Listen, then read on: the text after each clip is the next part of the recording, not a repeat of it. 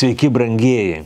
Evangelijos žinia yra nuostabi naujiena apie tai, ką Dievas dėl mūsų padarė.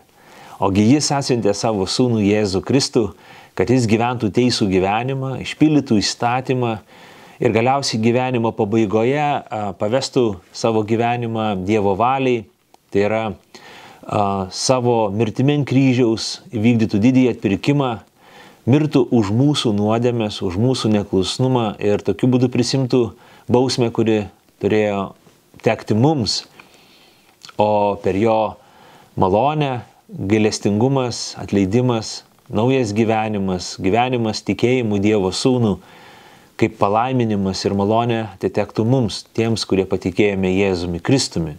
Tai yra geroji naujiena.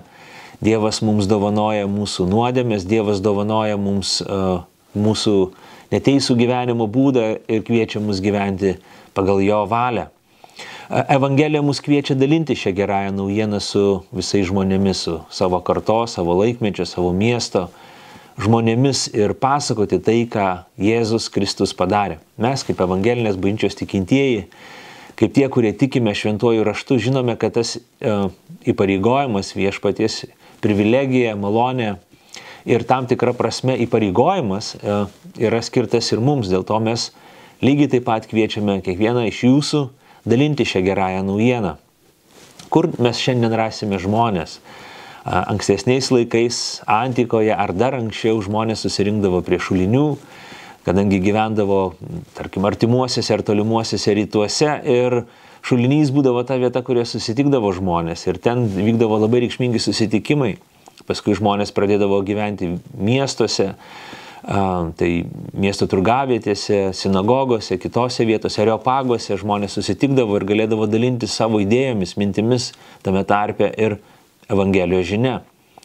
Pandemijos laiku mes iš principo negalime rinktis į didesnius susitikimus, turime labai ribotą, ribotas galimybės susitikti ir kalbėtis, bet socialiniai tinklai ypatingai šiuo metu tampa ta vieta ir erdvė, kurioje mes galime susitikti vienas su kitu, dalinti savo mintimis, savo gyvenimu. Tai kviečiame ir daryti. Papasakokite kitiems žmonėms, kad esate krikščionis. Pasidalinkite kažkokią nuorodą, trumpą žinutę, kad kiti žmonės, kurie yra jūsų draugai, artimieji, žinotų, jog jūs esate krikščionis. Nebūtina brukti Evangelijos žinios per prievartą tiems, kas nenori klausytis, bet tiesiog galite pasidalinti ir duoti kitiems žinoti, kad jūs esate tikintieji. Ir tuo metu, kai jiems kils klausimų, tuo metu, kai jie turės poreikių ar turės norą, bus Dievo pažadinti, paklaus jūsų apie viltį, kuri gyvena jumise. Tuomet būsite pasiruošę pasakoti apie tai, ką Kristus padarė dėl jūsų ir kas yra jums krikščioniškas tikėjimas. Mes kaip evangelinė bažnyčia norime kviesti žmonės tikėti Jėzų Kristų. Mes norime drąsinti žmonės patikėti juo, drąsinti sekti paskui jį, aukti tuo pažinimu. Dėl to mes kviečiame sekti mūsų medžiagą, kurią mes įdedame į YouTube ar Facebook kanalą. Stebėkite, ką mes įdedame. Mes įdedame, įkeliame pamokslus, padrasinimo žinutę, tekstus. Mūsų tikslas, kad uh, jūs tikėtumėte Kristų, kad mes kartu galėtumėm aukti sekant paskui jį.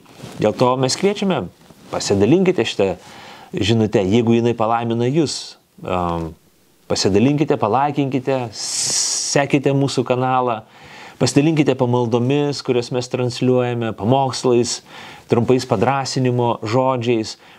Galbūt tai gali Dievo valia pasitarnauti kitiems žmonėms ir būti dideliu padrasinimu, paskatinimu jiems priimti tikėjimą arba būti sustiprintais ir padrasintais tame tikėjimo kelyje.